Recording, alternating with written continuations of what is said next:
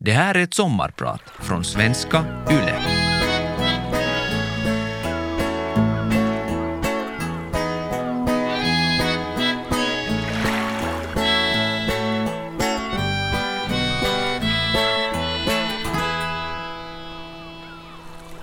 Jag sitter i mitt arbetsrum framför datorn. Hemma, inte på jobbet vid universitetet. Det är den första pandemihösten och jag ska strax hålla den inledande föreläsningen i en ny kurs. Något nervös, trots att jag är en rätt så rutinerad lärare vid det här laget. Har inte undervisat allt för mycket på distans än och har inte undervisat om kursens ämne förut. Kursen den ska handla om propaganda och övertalning. Tror att det kommer att väcka intresse. Men säker är jag inte. Distansundervisning är utmanande. När jag undervisar i klass har jag koll på när studerande gäspar eller pynjar med sina mobiler. Nu är deltagarna små bilder och användarnamn på rutan. Mer än 60 till antalet, inte så illa. För det mesta tittar jag bara på min egen powerpoint-presentation och håller låda. Vet inte om någon egentligen lyssnar. Skämtar att jag känner mig som en gammaldags radiopropagandist. Vet inte om någon skrattar eller ens drar på mungiporna. Det blir nog inte den bästa föreläsningen jag har hållit. Försöker väcka intresse genom att kasta fram exempel på olika slag av saker som kallas för propaganda. Osäker om det fungerar. Delvis kanske. Eh, jag tror att åtminstone någon hajar till när jag nämner att man kan säga att Black Lives Matter och Extinction Rebellion använder en del propagandistiska medel. Att propaganda ibland utnyttjas i sånt som många anser vara rättmätig verksamhet. Trots att jag inte är helt nöjd med min prestation som lärare klarnade det snabbt för mig att ämnepropaganda verkligen engagerar. Kursens chatt fylls av deltagarnas frågor och kommentarer. Där diskuterar de intensivt om ämnen med varandra samtidigt som jag föreläser.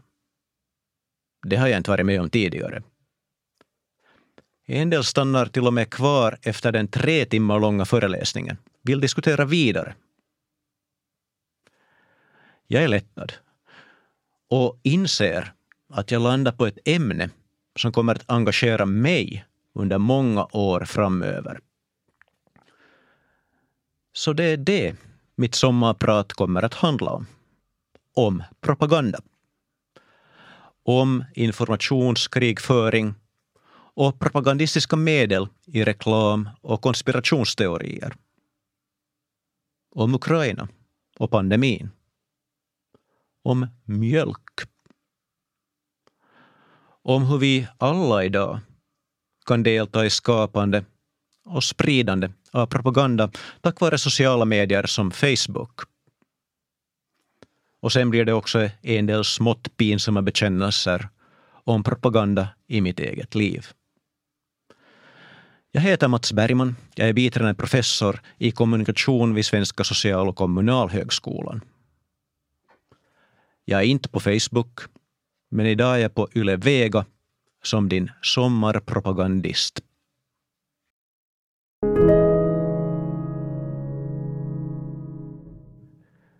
När jag bestämde mig för att hålla en kurs i propaganda anade jag faktiskt inte hur högaktuellt tema skulle bli. Visst låg det i luften redan för sex sju år sedan kopplat till prat om fejkade nyheter och bottar som sprider desinformation på nätet.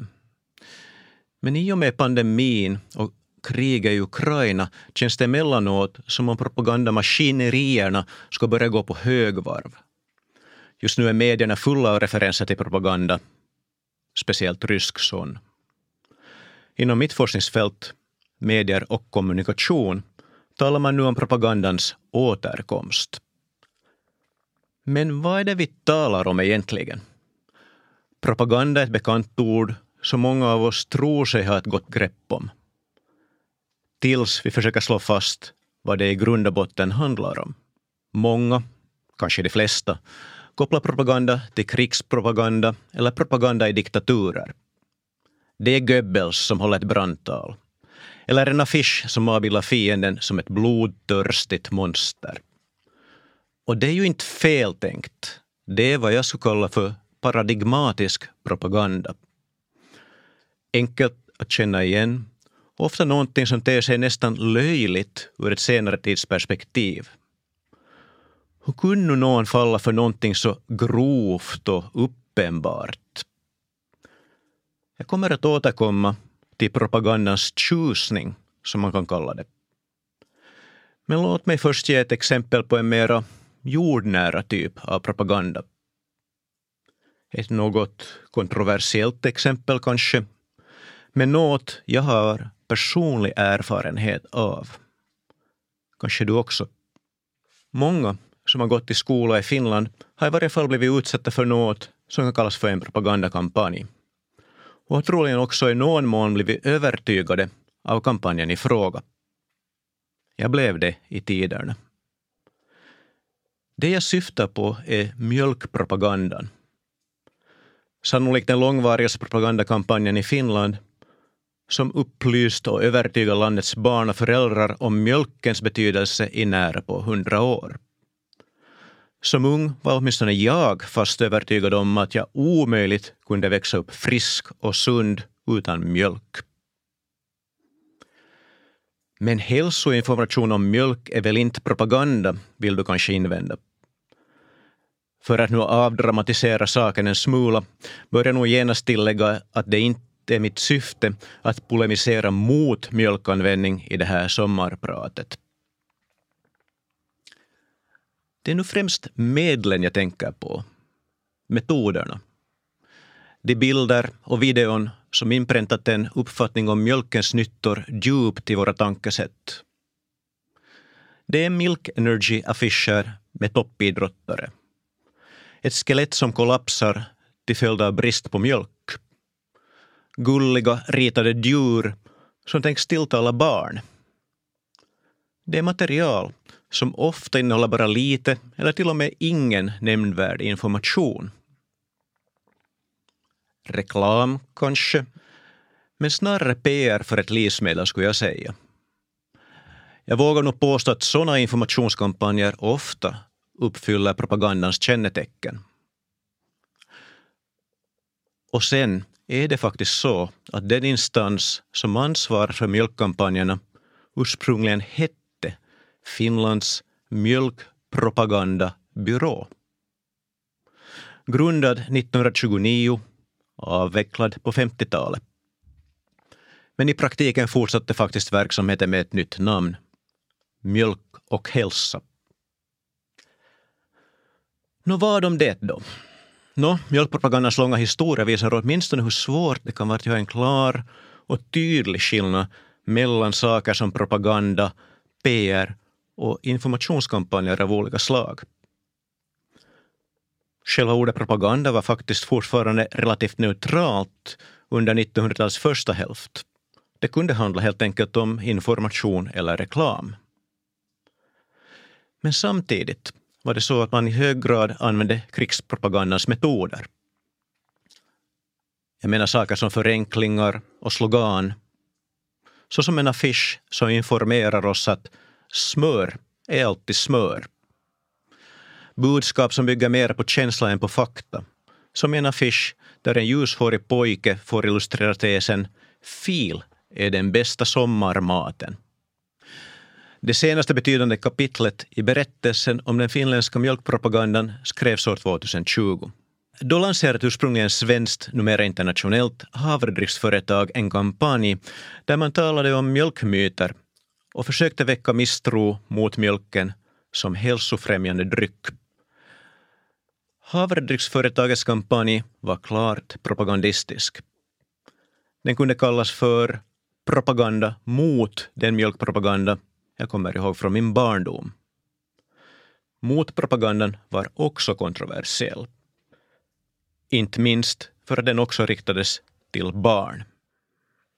Både mjölkpropagandan och havredrycksföretagets motpropaganda har försvarats genom att vädja till goda avsikter. Det är kanske upp till dig som lyssnar att avgöra. Helgar ändamålet medlen i dessa fall?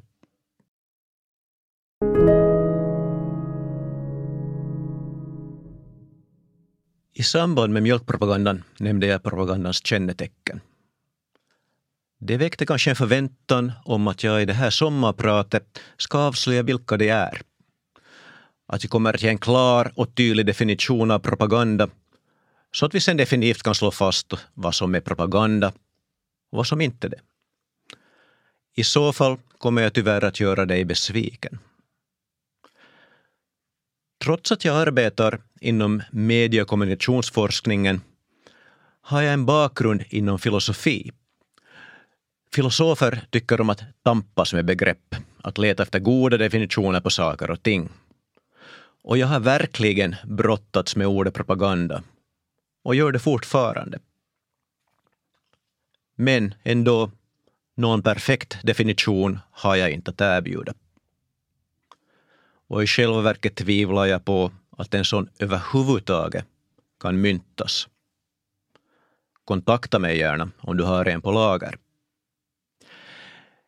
Enligt en syn handlar propaganda om försök att påverka genom att på något sätt kringgå mottagarnas förmåga till självständig och rationell opinionsbildning.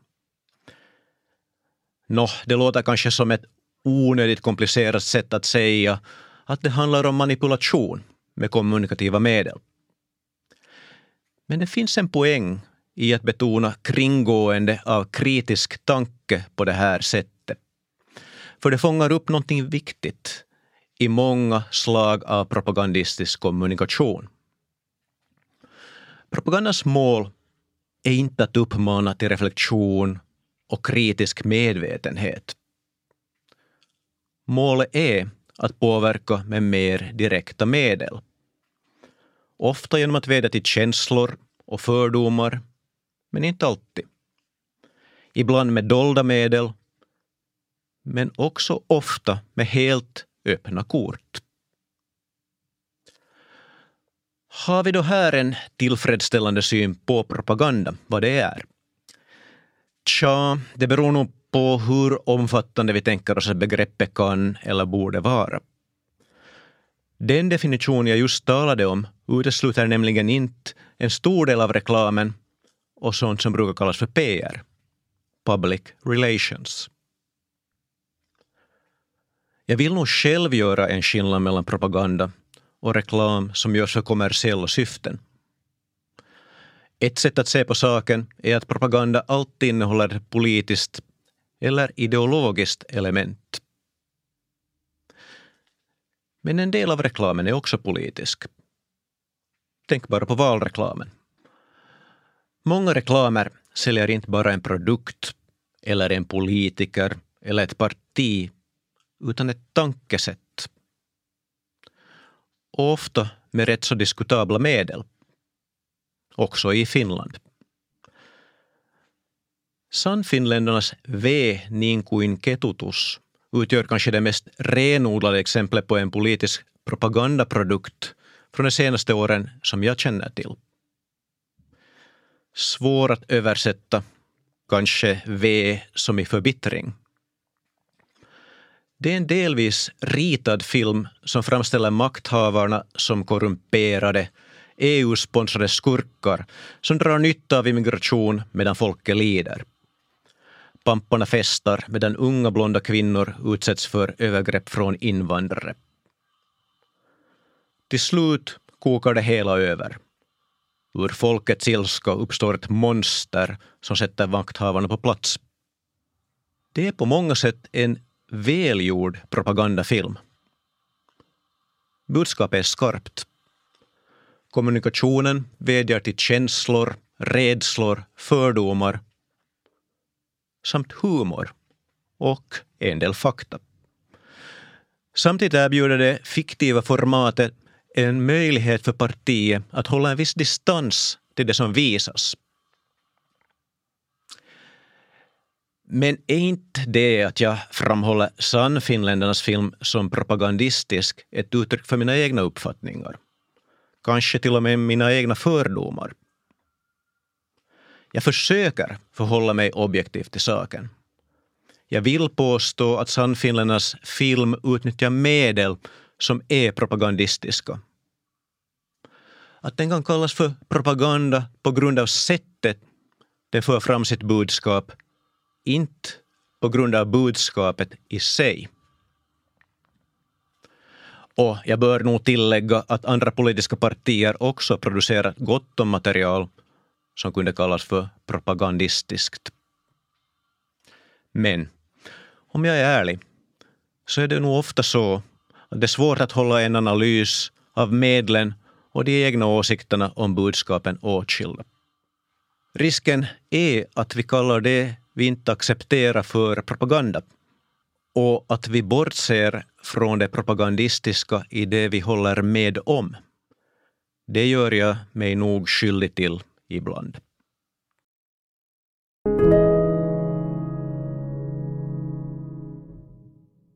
Jag heter Mats Bergman, jag är biträdande professor vid Sossokom och idag är jag din sommarpratare. De flesta brukar väl koppla ordet propaganda till något negativt. Det gör jag nog i regel också. Men ju mer jag tänker på hur propaganda används och används för olika syften med olika medel, desto mer inser jag att det hela inte alltid är så enkelt. Inte så svart och vitt. Enligt en känd klyscha är propaganda något som de andra, det vill säga motståndarsidan, gör. Inte vi som är på den rättrådiga demokratiska sidan. Men tål det en kritisk granskning? Jag ställer ofta mig själv och mina studerande en svår etisk fråga. Kan propaganda någonsin vara berättigat den moralistiska idealisten i mig säger nej. Propaganda är ju att vilseleda, att manipulera. Något som är fel i sig. Den pragmatiska realisten i mig är av annan åsikt. Försöker nu idealisten verkligen påstå att till exempel britternas effektiva propaganda mot nazisterna under andra världskriget inte skulle ha varit berättigad? Jag har märkt att ett namn från propagandaforskningens tidiga år dykt upp allt oftare i den senaste tidens diskussioner. Edward Bernays, Sigmund Freuds systerson och en av PR-professionens grundare. Bernays menar att massorna är manipulerbara och så irrationella att de inte förstår sitt eget bästa. Som motvikt till osund propaganda kräver det demokratiska samhället därför god propaganda, enligt Bernays. Det är nog inte så lätt att svälja i dagens värld. Kan det faktiskt vara så att vi behöver propaganda för goda ändamål? Att den på sätt och vis är oundviklig? Att det ibland är acceptabelt att myndigheter manipulerar oss? Under pandemin har jag tänkt mycket på om vi faktiskt ibland kan behöva propaganda för goda ändamål. Jag är inte säker. Det jag med säkerhet kan säga är att en del av coronatidens informationskampanjer har utnyttjat en del propagandistiska medel. Har vädjat mer till känslor och dylikt än till mottagarens rationella förnuft. Nu talar jag inte om vetenskapen bakom det hela, utan enbart om kommunikationen. I själva verket har man i många coronakampanjer runt omkring världen helt medvetet återanvänt propagandans bildspråk. Till exempel den kända We can do it-affischen från andra världskriget där en arbetande kvinna självsäkert visar upp sina armmuskler. Den ikoniska bilden har fått stå modell för ett antal vaccineringskampanjer i vår tid. Vi kan kanske aldrig helt undvika propagandistiska grepp i vår kommunikation. Och det är såklart inte alltid suspekt att vädja till känslor. Men samtidigt bör vi nog vara försiktiga. Speciellt när det gäller eldfängda samhälleliga frågor såsom bekämpningen av en pandemi.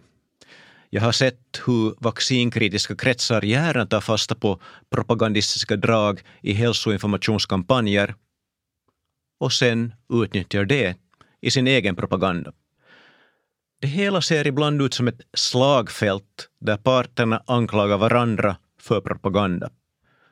För det är ändå så att propaganda är någonting få vill bli associerade med. Delvis på grund av historiens belastning. Alla förfärliga exempel på hur propagandistiska medel har utnyttjats för att dehumanisera fiender eller andra människogrupper. Hur nazisterna medvetet skapade associationer mellan jude och skadedjur och beredde vägen för förintelsen. Och i dagens propaganda kan ju också nazistämpeln användas för att dehumanisera motståndare. Inte så underligt alltså att propaganda ofta ses som något mörkt, negativt, glädjelöst. Något vi helt enkelt inte vill bli associerade med. Men samtidigt är det nog bra att hålla i minne att propaganda görs för olika ändamål och att medlen är många. Och alltid är det inte så allvarligt och dystert. Humor, förlöjligande och ironi har alltid varit viktiga redskap i propagandistens verktygslåda. Delvis därför har man menat att memer är ett viktigt redskap i nutida propaganda. De där lustiga bilderna eller videosnuttarna som sprids viralt på nätet. Här kan jag erkänna att jag själv roats av traktormemerna komiska bilder där ukrainska traktorer beslagtar ryska tanks eller släpar iväg med annan krigsutrustning.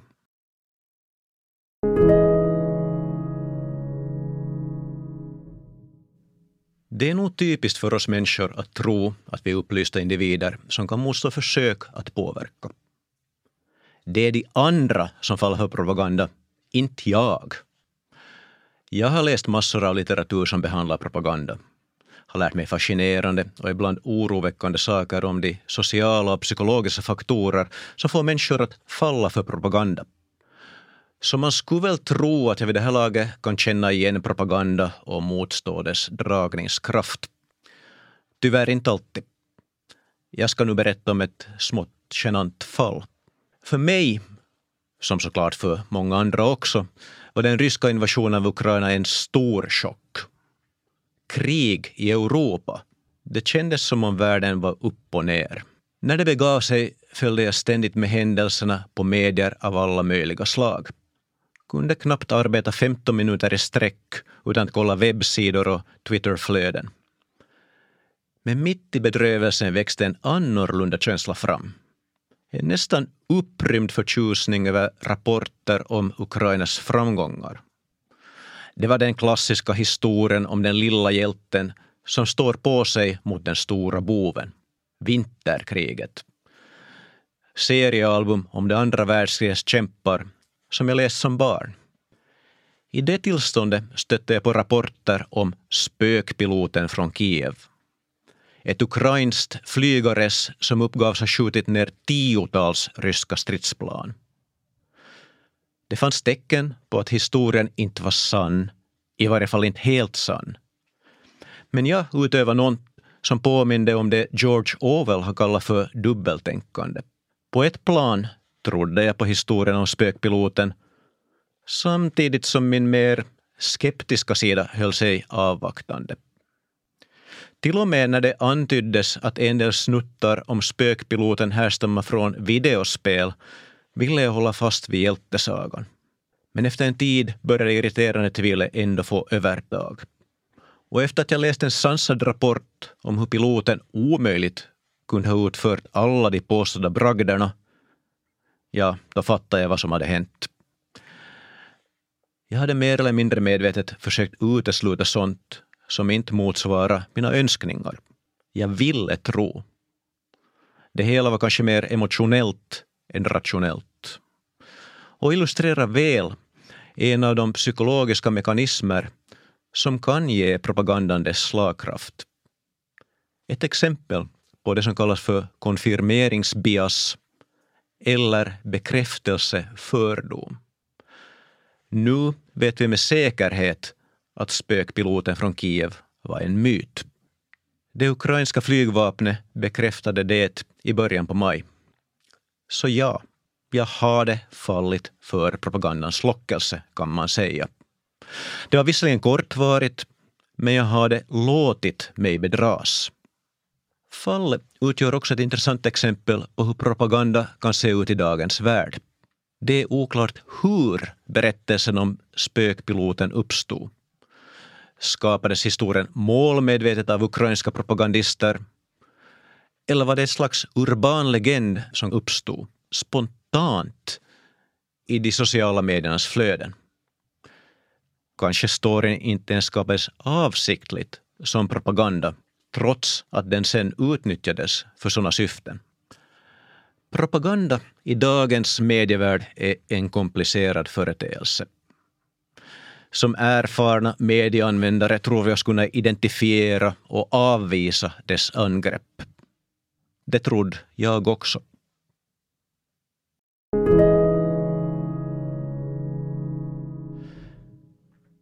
Enligt rationella synsättet är syftet med propaganda att övertyga eller förstärka uppfattningar och inställningar. Man har menat att propaganda fungerar bäst om den är kontrollerad, trovärdig och undviker självmotsägelser. I tiderna betonar Goebbels att propagandisten bör så långt som möjligt hålla sig till sanningen för att inte åka fast. Men propagandans regler har delvis skrivits om i den nutida informationskrigföringen. I forskningen talar man till exempel om en propagandamodell som har kallats för Firehose of Falsehood. Tänk här på någonting som spyr ut lögner och halvsanningar. Man struntar i trovärdighet och objektiv sanning. Det ersätts med volym, snabbhet, repetition. Mottagarna överväldigas inte med sluga knep eller noggrant förberedda manövrar. Det handlar snarare om en utmattningstaktik där det kaotiska informationsflödet omöjliggör rationell opinionsbildning och lamslår handlingsförmågan. Metoden anses ha utnyttjats effektivt av Ryssland när landet annekterade Krimhalvön. Det handlar om något man kunde kalla för desinformationspropaganda.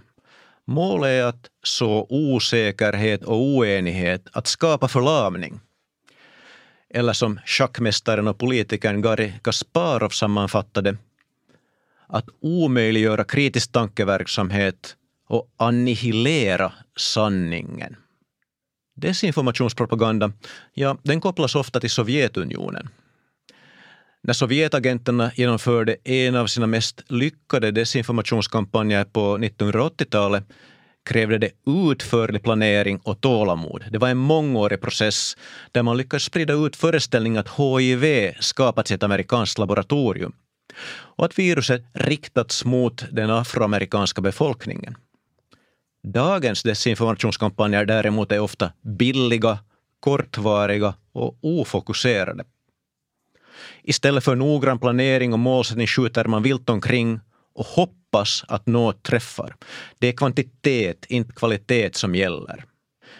Det kan handla om trollarméer som distribuerar motstridig information på Twitter eller skapar polarisering i en Facebookgrupp om att utnyttja så kallade bubblor på sociala medier. Under pandemin började jag följa med ett antal källor som sprider desinformation, främst på Twitter. Det har varit fascinerande och ofta plågsamt att se hur ett slags röta sprider sig i kanalerna. Hur något som borde vara ett sakligt meningsutbyte förfaller till kaotiska fejder. Det är ofta svårt att avgöra om det finns en plan bakom det hela eller om det sker mer eller mindre spontant. Jag observerade något intressant under dagen som följde på Rysslands invasion av Ukraina den 24 februari. Mina desinformationskällor tystnade. Kanske var de uppriktigt överrumplade av det hela. Eller kanske de saknade instruktioner. Efter ungefär tre dagar satte maskineriet igång igen och sprutade ut en jämn ström av overifierade påståenden, halvsanningar och uppenbar propaganda. Var det hela centralstyrt eller spontant? Svårt att avgöra. För i dagens datoriserade medievärld är det lätt för nästan vem som helst att agera som propagandist.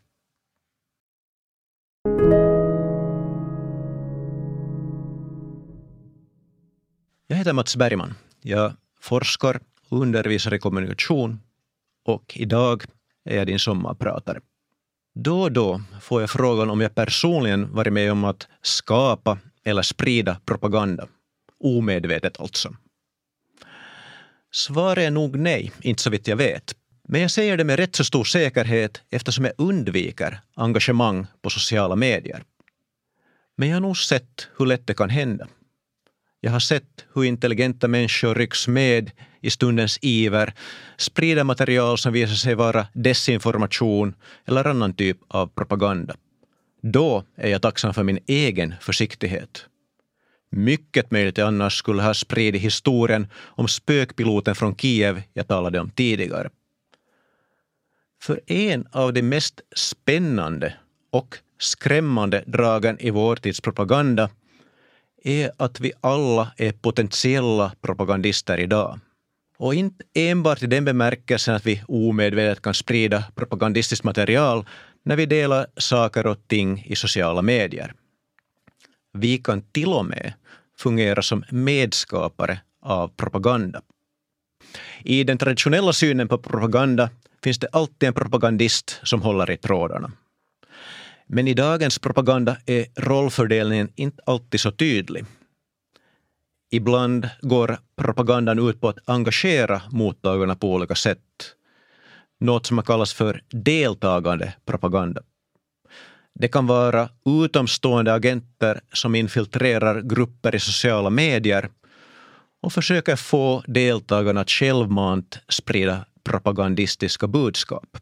Men ofta sprids och utvecklas propagandan utan den här typen av planerad påverkan. Vanligtvis handlar det i så fall om att mottagarsidan fungerar som en slags förstärkare som utvidgar propagandan. I forskning talas det om amplifikation. Den drivande faktorn bakom det hela är de sociala mediernas logik, där användare söker engagemang och godkännande. Ett led i det som har kallats för gilla-kulturen.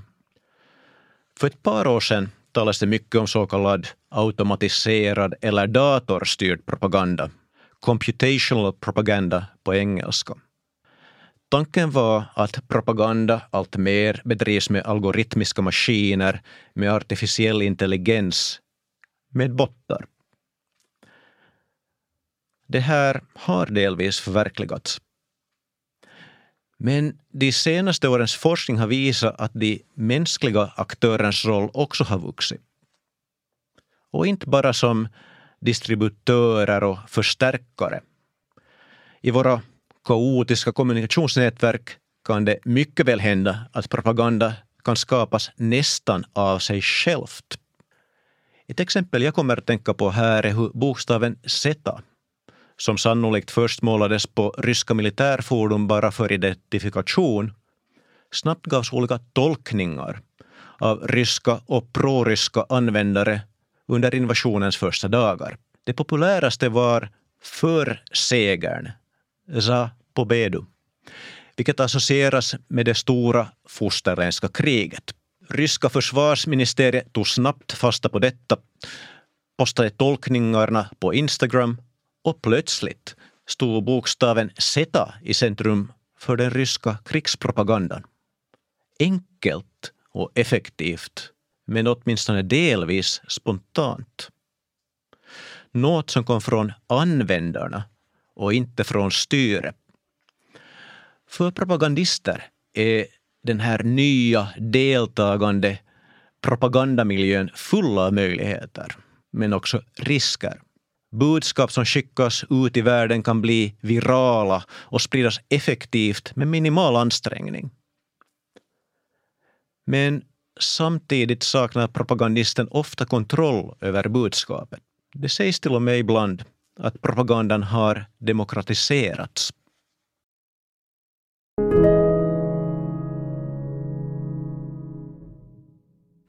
Jag ska som avslutning dela med mig av ännu en smått pinsam episod från mina äventyr i propagandans febriga och förbryllande värld. Det är en historia med en något banal läxa på slutet, men nog en viktig läxa trots det. åtminstone för mig själv. Jag letade efter en lämplig text för en föreläsning om ett visst perspektiv på propaganda och tyckte mig ha hittat en riktigt bra diskussion om ämnet. Hopplös som jag är när det gäller tidsanvändning har jag en smula bråttom. Men jag hann snabbt läsa igenom artikeln och gav därefter den som förhandsläsning till kursens deltagare. Några timmar före föreläsningen beslöt jag mig att ta ännu en titt på artikeln som jag valt. Jag ögnade igenom texten och plötsligt fastnade jag på ett par rader i en fotnot som jag inte lagt märke till tidigare. Det handlar om inbördeskriget i Syrien. Skribenten hyste tydligt sympati för Assad-regimen, vilket överraskar mig en smula. Inte allt för mycket. Dylika åsikter förekommer bland en del akademiker. Ofta de samma som har förståelse för ryska synpunkter. Jag letade efter skribenten på nätet och noterade att han var en av ledarna för något som kallade sig Organization for Propaganda Studies. På svenska ungefär Organisationen för propagandastudier. Såg seriöst ut. Tills jag tog en närmare titt och insåg att många av organisationens figurer, inklusive skribenten, var akademiska konspirationsteoretiker av stora mått. Det var främst pandemin det gällde.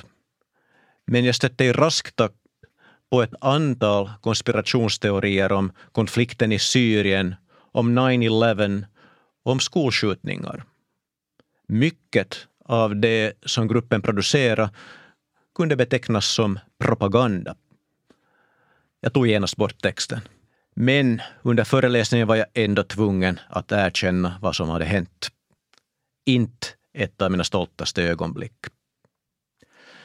Trots skammen förde episoden med sig någonting positivt för min del. Jag började syna medlemmarna i Organization for Propaganda Studies och kom många intressanta och suspekta figurer på spåret. Främst på Twitter, men också på en del andra ställen på nätet. Vet inte ännu om jag kommer att göra något med allt det jag hämtat in. Men den här processen har hjälpt mig förstå på hur invecklade sätt propaganda, politisk aktivism och konspirationsteorier kan sammanlänkas i vår nuvarande medievärld. Avisidan är att dessa tillhåll på nätet ofta är dystra ställen att besöka. Emellanåt känns det som jag skulle befinna mig i mörkrets hjärta. Under det pågående kriget har det stundom känts mycket tungt att läsa ohämmat prorysk propaganda. Även om det är såklart bra för en forskare att få grepp om hur olika parter ser på världen och kör på sin sak. Och läxan, ja, var försiktig helt enkelt. Speciellt när det gäller ett ämne som propaganda bör man vara på sin vakt. Till och med propagandaforskning kan vara propaganda. Och ja, jag är medveten om att det kan finnas personer som tolkar mitt prat som partiskt, till och med som propagandistiskt. Vad var det nu jag sa tidigare? Jo, propaganda är något den andra sidan gör. Mitt namn är Mats Bergman och idag har jag varit din sommarpratare. Men nu tycker jag att det får räcka med propaganda och konspirationsteorier. Det är sommar. Gå inte in på Facebook. Läs inte Twitter. Titta inte på Instagram. Gå till stranden eller lyssna på en vinylskiva och värna om det som är rätt och riktigt.